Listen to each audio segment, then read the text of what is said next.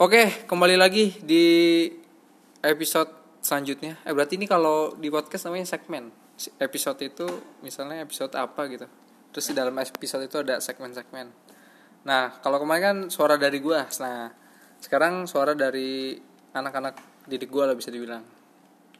Tapi dalam bahasa kasarnya sih bisa dibilang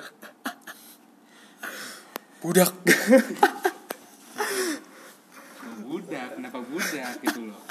Eh bahasa halusnya anak didik lah karena ini apa di komunitas gua yang pertama itu ah, jadi angkatan pertama. Jadi waktu pertama banget itu isinya cuma dua orang doang.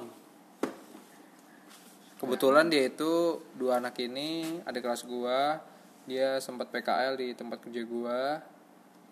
Terus udah gitu doang jadi di sini ada siapa? Ada ada Fikri. Biasa dipanggil Puyol. Kalau dipanggil Fikri terlalu bagus. Aneh. Jangan jangan manggil Fikri jangan. Ini Puyol ya. Terus satu lagi Ojan. Panggilnya apa ya? Tablo. Tablo. Panggil saja tablo. Panggil saja Tablo. Dan Puyol. Eh jangan Tablo kesian. Oh, iya. tablo tablo pinter gua. Ya udah biarin deh. Eh, jadi masih dalam lingkup lingkup SMK yang sama cuman SMK-nya kita blur ya biar tidak mencemarkan nama baik tapi gitu. pasti orang tahu siapa yang nggak siapa yang nggak tahu pokoknya SMK-nya tit ya, gitu. katit Nah, nggak boleh guys tahu. Takutnya ada perkataan kritik yang tidak bisa diterima oleh mereka ketika dengar akan menjadi bumerang tersendiri buat kita. Tapi udah pasti kalau yang denger tahu dong. udah pasti gak mungkin nggak tahu Soalnya di video, di eh, aja jadi kayak YouTube. Di episode di segmen sebelumnya gue nyebutin nggak nggak nyebutin eh, nama SMK-nya. Tapi gue SMK TKJ. Nah, mereka mereka berdua juga TKJ.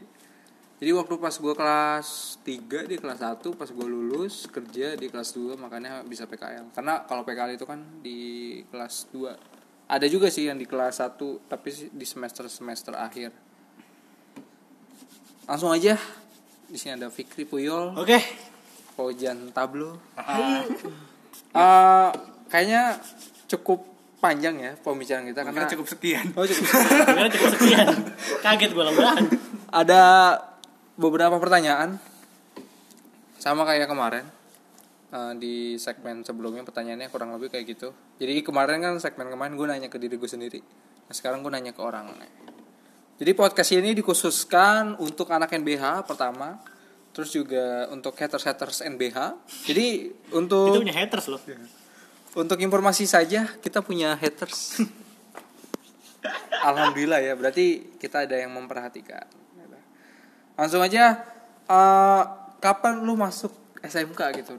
Siapa yang mau yang mau jawab nih? Pojan jadi SM tahun berapa lu masuk SMK tahun 2016 2016 ini 2000 2000 berapa sih ya pokoknya lulus tahun 2019 dah berarti 2016 2016 ya 2016 karena kan satu tahun ya pas gua kelas 3 lu kelas Iya. 1 iya PKL kelas 2 Kelas 2017 nah iya benar berarti 2016 eh nyong enggak PKL 2018 eh enggak deh pasti lu 2017 2017 itu tiga, ta- tiga bulan pas Desember. pergantian tahun Desember ya. iya pokoknya akhir tahun ya iya Terus lu kan jurusan TKJ nih. Pasti kan setiap orang kan punya alasan berbeda-beda kan. Kalau gua kan dulu gara-gara Gua agak punya tahu. komputer. Kalau lu Kalau- apa? Pojan lu pojan. Kalau gue dulu karena emang sama sih emang karena punya komputer terus pertama kali gue mikir masuk SMK itu kan TK aja nih gue pikir oh pelajarannya komputer semua nih pas masuk ya ketemu MTK juga males gue udah itu gue niatnya produktif doang jadi Ya, pasti emang rata-rata tuh kayak kita masuk TKJ kayaknya pengennya produktif produktifnya iya aja produktif, gitu. produktif aja Ternyata taunya taunya ada pelajaran yang lainnya juga. Ya sama sih nggak jauh beda.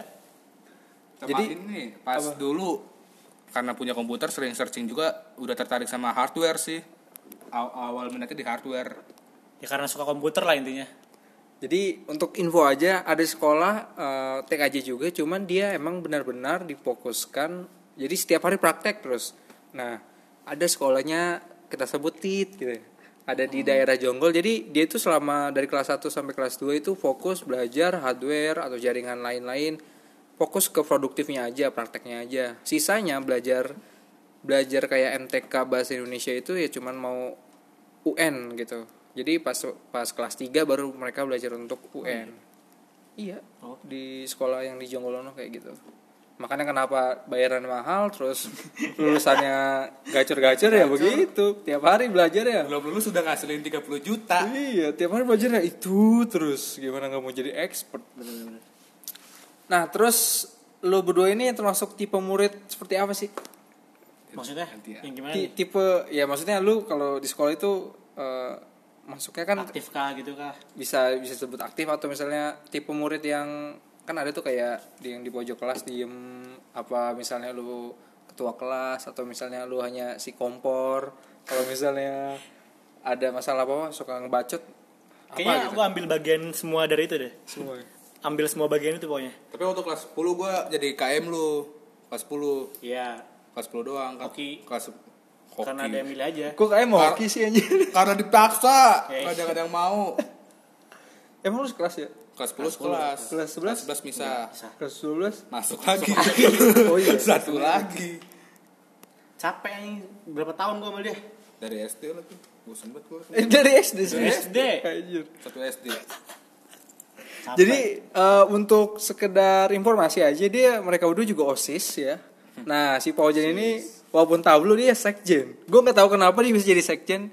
Entah siapa yang milih ya. Sekjen itu kan sekretaris jenderal ya. Jadi eh gimana ya urutannya? Di atas wakil, di bawah tua ketua. Jadi wakil aja kalah sama dia nih. Dan kerjaannya job desk-nya apa sih? kerjaannya ya nggak jauh beda sama ketua osis kayaknya. iya Iya kan? Nggak jauh beda.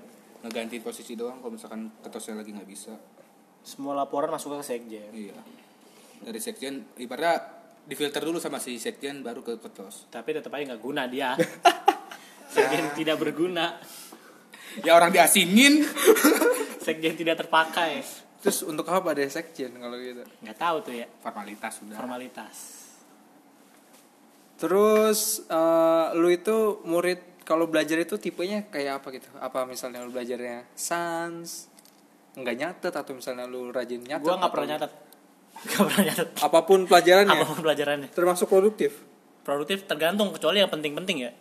Kalau yang yang menurut gua penting pasti gue catat. Cuma yang menurut gua nggak terlalu penting atau masih bisa gue inget dengan baik dan benar tidak akan gue tulis. gue nyatet kalau temen gue nyatet Nah, kalau temen gue nggak nyatet gue nggak mau nyatet sebelumnya sebelum nyatet nanya dulu, lu nyatet gak? Kalau dia jawab enggak, ya udah nyatet. kan biar ada temennya gitu temennya Berarti emang semuanya ya, semuanya. semua pelajaran ya. Semua pelajaran. Tapi nggak semua sih kalau Inggris gue getol Kayak Inggris doang, getol. Berarti kan emang ada pelajaran Pel- pasti Pelajaran ada tertentu aja. pelajaran khusus yang kita suka kan pasti. Ya betul. Terus kan keaktifan kalau selain osis, lu aktifnya di mana? Gua eh gua megang badminton gue megang sekolah badminton jadi ketua jadi nggak tahu ya pembinanya kan waktu itu nggak ada gue merangkap sebagai pembina lah begitu Pembinanya begitu. Kalau lu Jan ada itu? kalau gue enggak gue cuma di osis doang Osis ya. Hmm. Dengar-dengar lu set boy Jan. kenapa dari osis ke Di bawah boy gitu di kenapa dari osis ke sad boy yang, yang udah mah udah ya pas Kalau kalau mungkin itu ada eskul set boy mungkin rame ya. mungkin gue jadi pembina oh enggak pembina si Pelatih. itu si itu instruktur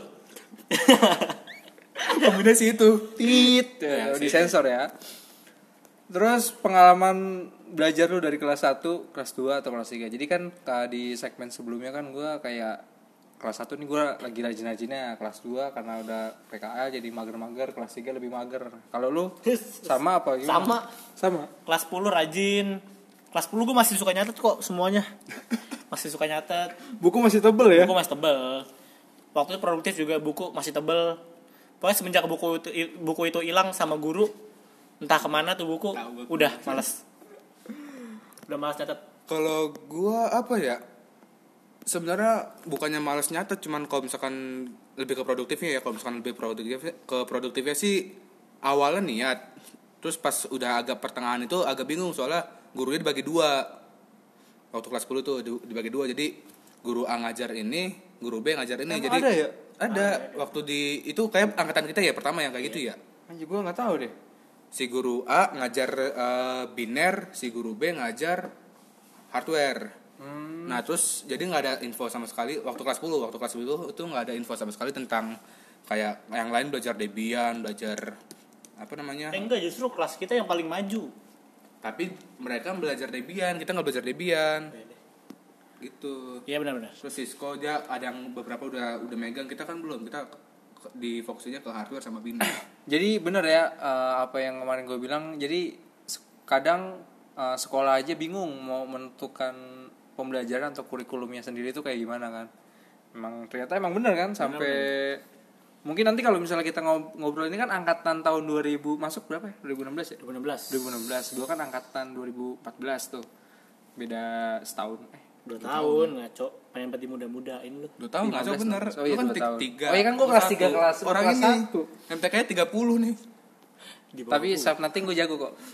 Nah, nanti gue gue eh, ada anak gue yang si itu 2017 berarti ya. Mm-mm. Nah nanti kita interview 2017 Itu. si anak-anaknya si Wildy. Oh, gitu. Eh Wildy, siap-siap anda, Mardani, ojol. Kuy kuy kuy kuy Dia.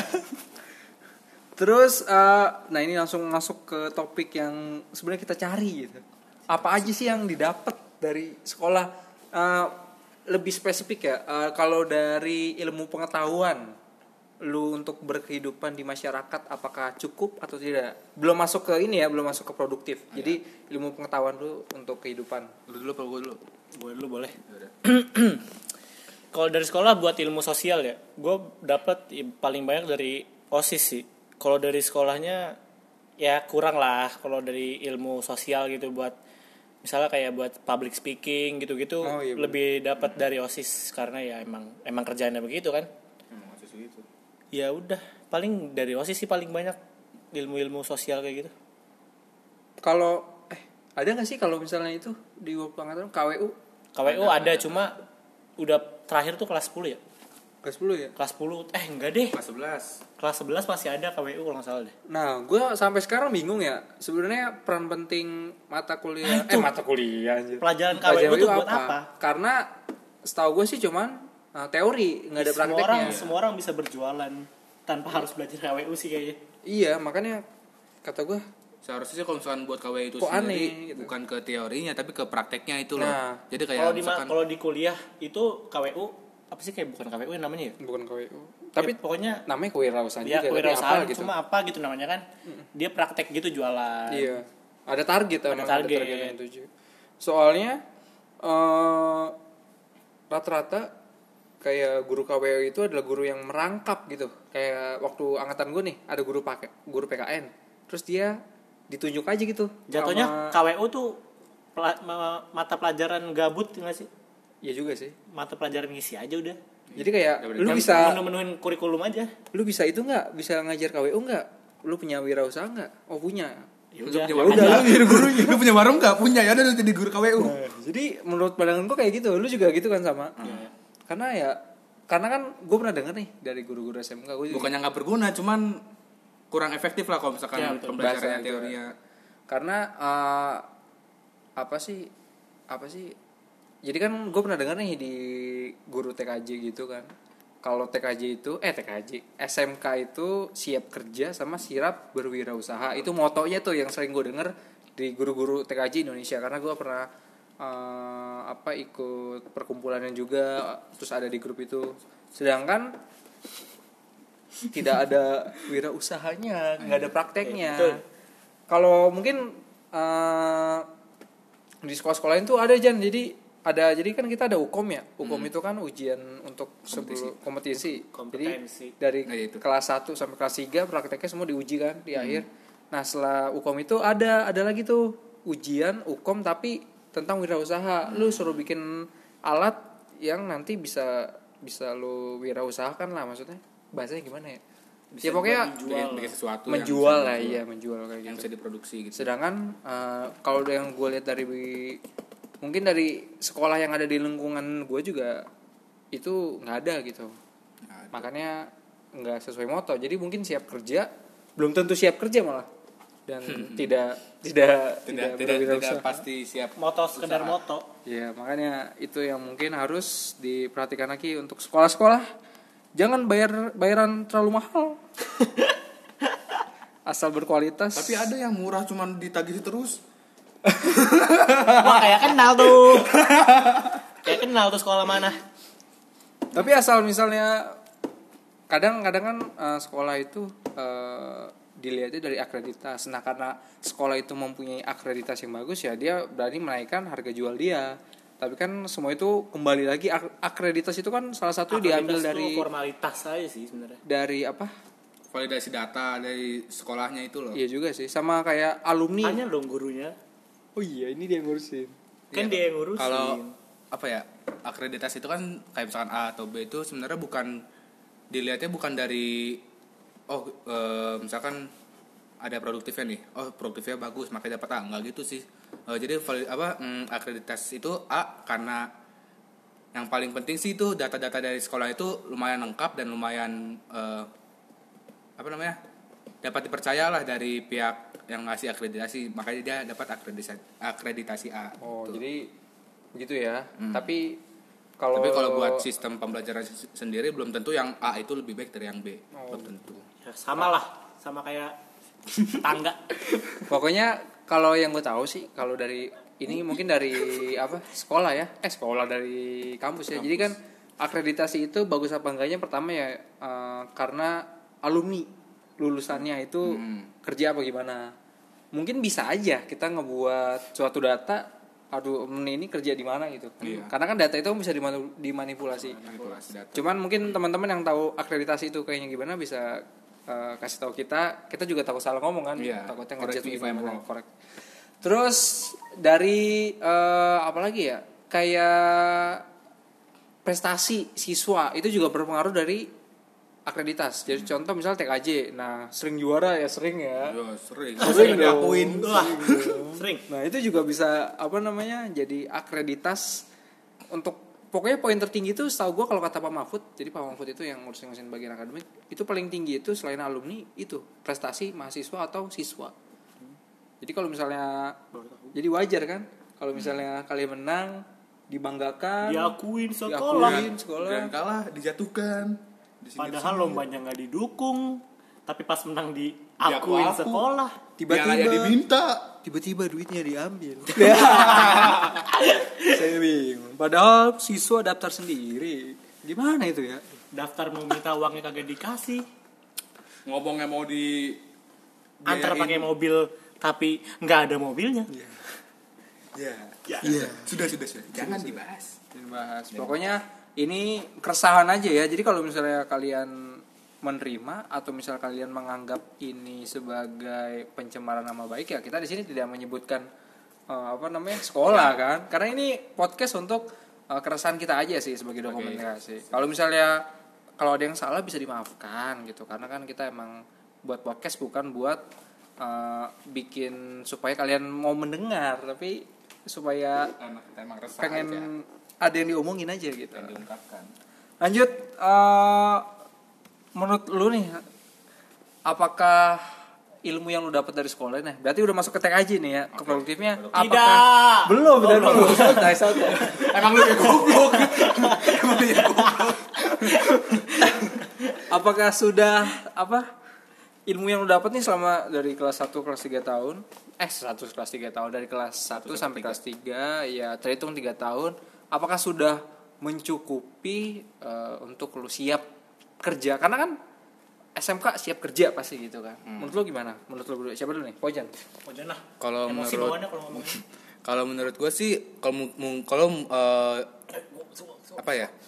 Kalau buat siswa yang ibaratnya belum sam- belum tahu sama sekali tentang TKJ sih kalau menurut gue udah basicnya udah dapat basicnya. Cuman kalau misalkan kayak mungkin kayak Bang Haris atau si Puyol atau yang lain yang seenggaknya dia udah punya dasar ilmu di TKJ itu kalau menurut gue sendiri sih kurang sih kata gue buat udah siap kerja ya bukannya apa bukannya ilmunya jelek atau gimana tapi kalau misalkan buat siap kerja itu benar-benar kurang. Soalnya dari tiga tahun ini yang gue ingat yang dibahas tuh ya dasar-dasarnya lagi. Hardware tuh dasarnya balik lagi terus ntar operating system dasarnya lagi yang dibahas nggak mendalami gitu loh.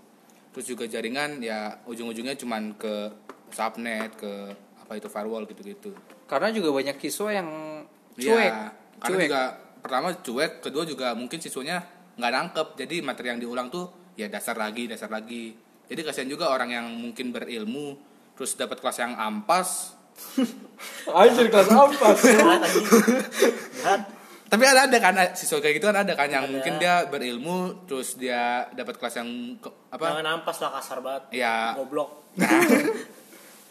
mungkin yang siswanya kurang Canda et deh.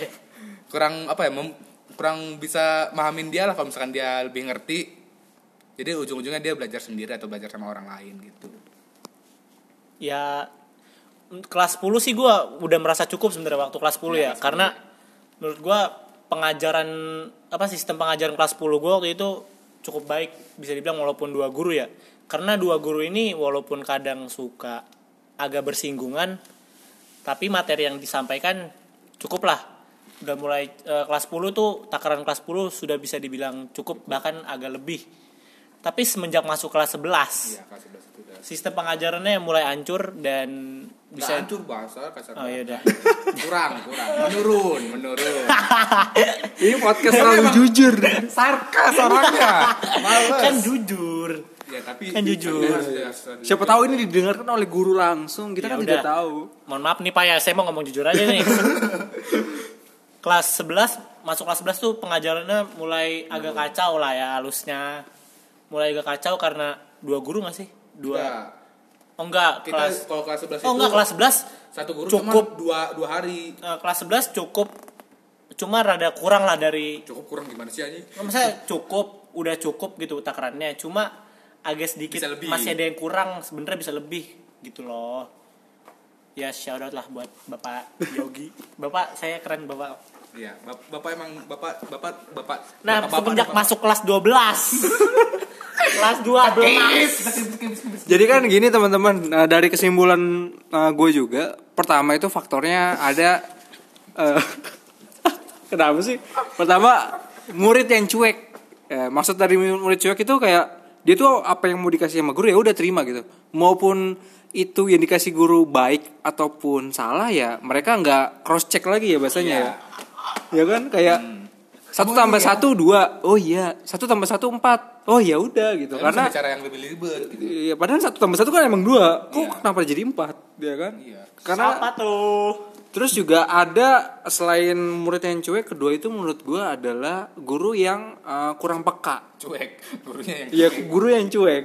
Jadi jadi kayak misalnya eh eh gue ngomong dari sudut pandang guru nih. Jadi kan guru itu ke anjay. Wih, gue jadi gue bukan guru yang uh, pengalaman sih cuman dari sebelum gue sebelum gue mau menjadi guru gue mencari tahu dulu gimana caranya jadi guru. Ada yang apa ilmu yang dipelajari itu kita itu sebagai guru harus peka terhadap pendengar kita atau murid kita. Jadi kalau misalnya murid kita merasa nggak tahu kan uh, jadi gini loh kayak kita ngejelasin nih otomatis kan guru itu kan berdiri di depan ngeliatin semua anak murid. Pasti tuh orang itu kayak ngeliat oh ini uh, murid yang ini ngerti nih. Yang ono enggak. Nah Harusnya. harusnya, Harusnya begitu. pasti Harusnya. pasti semua orang itu bisa membedakan uh, mana yang paham mana yang enggak. apa sih? Mimik muka ya? Mimik- mimik wajah ya? iya, mimik ekspresi, wajah. ekspresi. Kayak orang yang ngerti apa yang enggak gitu nah dari situ baru deh seorang guru itu kayak peka oh ternyata uh, mungkin ada yang salah dari penyampaiannya atau mungkin terlalu ce- kecepatan gitu. Materinya kurang apa kurang masuk. Kurang masuk gitu. Nah itu dua kesimpulan. Dan satu kesimpulan lagi uh, mungkin gurunya peka terus juga uh, kalau tadi kan gurunya cuek sama muridnya cuek. Nah sekarang uh, kesimpulan ketiga dua-duanya peka nih. Tapi kadang itu yang gue alamin ketika guru gue dulu guru gue itu pak ade respect pak ade. Respect. Respect, Pak. respect pak ade. Sayang bapak walaupun kita pernah selek. Saya sayang kamu bapak. Jadi waktu dia masih istilahnya jomblo single ya. Iya dia tuh kayak gue minta materi apa aja dikasih gitu. Ketika dia menikah otomatis dia menjadi uh, ada peran selain guru gitu. Yaitu bapak. Suami, suami dan bapak gitu calon bapak kan. Jadi ya ketika pak saya mau minta ini minta materi ini dong. Mungkin dia cuma ngasih dikit doang gitu. Oh nanti kamu belajarnya ini ini aja nih. Nah abis itu dia tinggal. Jadi semenjak eh, beliau menikah eh, waktu untuk belajar itu lebih sedikit karena dia punya tanggung jawab yang beda gue nggak menyalahkan Oh, padenya dia menikah. Cuman uh, yang tadi gue bilang ini kesimpulan ketiga. Dua-duanya sama peka. Iya bener kan terhindar dari ibadah. Eh terhindar dari ibadah. Goblok. Perintah dari ibadah. Terhindar dari dosa, melakukan ibadah. Gitu. Dua-duanya peka tapi waktunya yang nggak ada. Itu yang ketiga. Terus menurut lu nih, kalau tadi kan lu ibaratnya kurang dapat kan ya, tidak cukup kan kesimpulannya. Bagaimana eh, mungkin yang eh, di di antara lu belum ada yang kerja ya? Apa? Gua. Pau- Iya, oh iya Paujan. Kan waktu itu si Tahu ya, gue nanya Puyol. Puyol itu kan langsung kuliah. Gue nggak tahu konteks dia apa. mau kuliah gue nggak tahu. Apa emang dia pengen mau mendalami ya itu hak hak dia lah pokoknya. Menurut yang udah kerja nih, berarti gue nanya ke Paujan dulu nih. Nah, lu buat bah- bahan lucunya aja. Eh, menurut lu gimana caranya eh, supaya eh, kan tadi lu bilang kan kurang ya belajarnya kurang kan. Tiba-tiba lu ada tawaran jadi IT dan tiba-tiba lu ngelamar IT nah gimana prosesnya supaya lu bisa belajar itu dan akhirnya keterima dan lolos? Itu prosesnya gimana? Sebenarnya sih sebelum apa ya sebelum jalanin prosesnya itu pertama lu harus sukain dulu apa yang lu mau lakuin. Kalau misalkan emang dari dasar lu emang udah suka ya pasti ke ke depannya gampang. Kayak contoh gue dari SD emang udah suka hardware, gue dari SD juga udah searching tentang hardware segala macam. Terus pas eh, lulus gue langsung kerja. Nah kebetulan juga kerjanya itu gue di bagian field support di bagian yang ibaratnya kayak kan gagal ya Iya, kan bukan violet field support artinya apa sih Phil lapangan Tanah. ja- Oh, agen, agen agen lapangan. Nah, oh tanah. Ta- tanah kubur gua. Pokoknya jadi field support. Ya field support itu kayak apa ya misalkan di di kota A nih ada yang misalkan kantor kota A kantor A. mabuk. Ada yang trouble terus kita ke sana terus kalau misalkan kota A. Eh ya gitulah pokoknya dah. Pokoknya troubleshooting pokoknya hardware. troubleshooting hardware ya kalau field support. Le- lebih ke hardware daripada ke jaringan gitu Terus pertanyaan terakhir aja ya. Kayaknya kita udah terlalu lama. Waduh, udah mau 30 menit obrolan kita. Menurut lu eh, apa yang harus diperbaiki dari sistem pelajar pelajaran yang ada di SMK? Kita nggak usah ngomong SMK tertentu. Ini menurut lu aja, karena kan lu tiga tahun nih. Apa aja yang kiranya harus diperbaiki supaya SMK itu sesuai dengan motonya, siap kerja dan siap berwirausaha. Dari Puyol dulu. Nggak usah jauh-jauh ngomongin sekolah orang lah ya sekolah sendiri aja dulu nih. Iya, selalu dah pokoknya. kalau sekolah orang takutnya salah ngomong kan gimana Iya gitu betul kan. juga sih betul. mending sekolah sendiri kalau salah ngomong ya tinggal ketemu kita hantam di lapangan. Baru banget yang ribut. nggak nggak. Buat lebih baik gimana ya? Buat sekolah gue sih saran aja eh, kurikulumnya lebih diperbaiki. Terus itu bukan kurikulumnya sih cara ngajar gurunya tersebut. Iya mungkin sih ya bukan kuri- tapi kurikulum hmm, udah oke sih sebenarnya kurikulumnya. Cuma cara pengajaran gurunya sama pembagian pem- pembagian waktu dari gurunya aja sih sebenarnya. Sama pem- pembagian jam jam ngajar. Pembagian jam ngajar guru sama pembagian jadwal intinya itu aja sih. Jangan sampai ngawur. Kalau lu Jet? eh gimana ya kan kalau SMK itu kan banyak dari siswa SMA yang lari ke SMK terus TKJ karena ah mungkin cuma komputer doang mikirnya gitu kan. Eh mungkin buat gurunya aja sih eh, lebih kayak gimana ya bagaimana caranya biar muridnya itu suka dulu sama gurunya. Muridnya itu suka dulu sama gurunya baru suka sama pelajarannya gitu. Jadi seenggaknya kalau misalkan belajar juga jangan terlalu intens terus terlalu tegang harus begini begitu enggak yang penting have fun tapi masuk gitu kalau ngajar Jangan jangan, tiap cuma dikasih minggu. modul jangan cuma tiap dikasih minggu kasih modul suruh belajar sendiri terus ditinggal tinggal gitu. sibuk banget Ini eh, podcast ini sangat sensitif ya sensitif sekali ya. Kan closingan closingan Closingan. Jadi kesimpulannya ya sama kayak keresahan gue yang kemarin. Podcast ini emang bener-bener keluh kesah dan keresahan banget. keresahan batin. Jadi kalau emang eh, apa namanya ada obrolan atau omongan yang sangat sarkas ya Sarkas. mohon di apa dimaklumkan. Karena emang podcast ini kita buat untuk mengungkapkan keresahan kita. Secara sarkas. secara uh, kebebasan kita. Kalau misalnya kita mau ngungkapin keresahan secara formal ya Tinggal kita bisa ngomong, bisa kritik ke orangnya. orangnya tapi di sini gue pengen ngomongin orang sekolah kan kok ngomongin orang? Sekolah. karena kita di sini mengungkapin aja. Dan podcast ini sebagai media untuk kita meluapkan keresahan kita. Jadi segitu aja. Uh, mohon maaf jika terlalu panjang atau mohon maaf jika apa namanya ada tadi dulu sabar. Jika terlalu barbar obrolannya karena di sini kita berniat baik kok ya untuk memperbaiki baik kok baik hal-hal yang mungkin kurang dari pandangan kita. Nanti biar lebih datanya, maksudnya data kayak banyak siswa yang resah itu nanti kita interview lebih banyak orang gitu.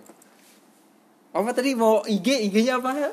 follow IG aku ya guys Apa tadi? Fikri CBX Cepot. oh YouTube at Fikri CBX YouTube apa YouTube? YouTube Fikri Arya oke fo- subscribe ya subscribe kalau gua IG-nya Pak Ojan titik underscore Kalau gue Haris underscore PC. Oke, terima kasih. Uh, Bye. Semoga bermanfaat. dadah See you again. see you next time bye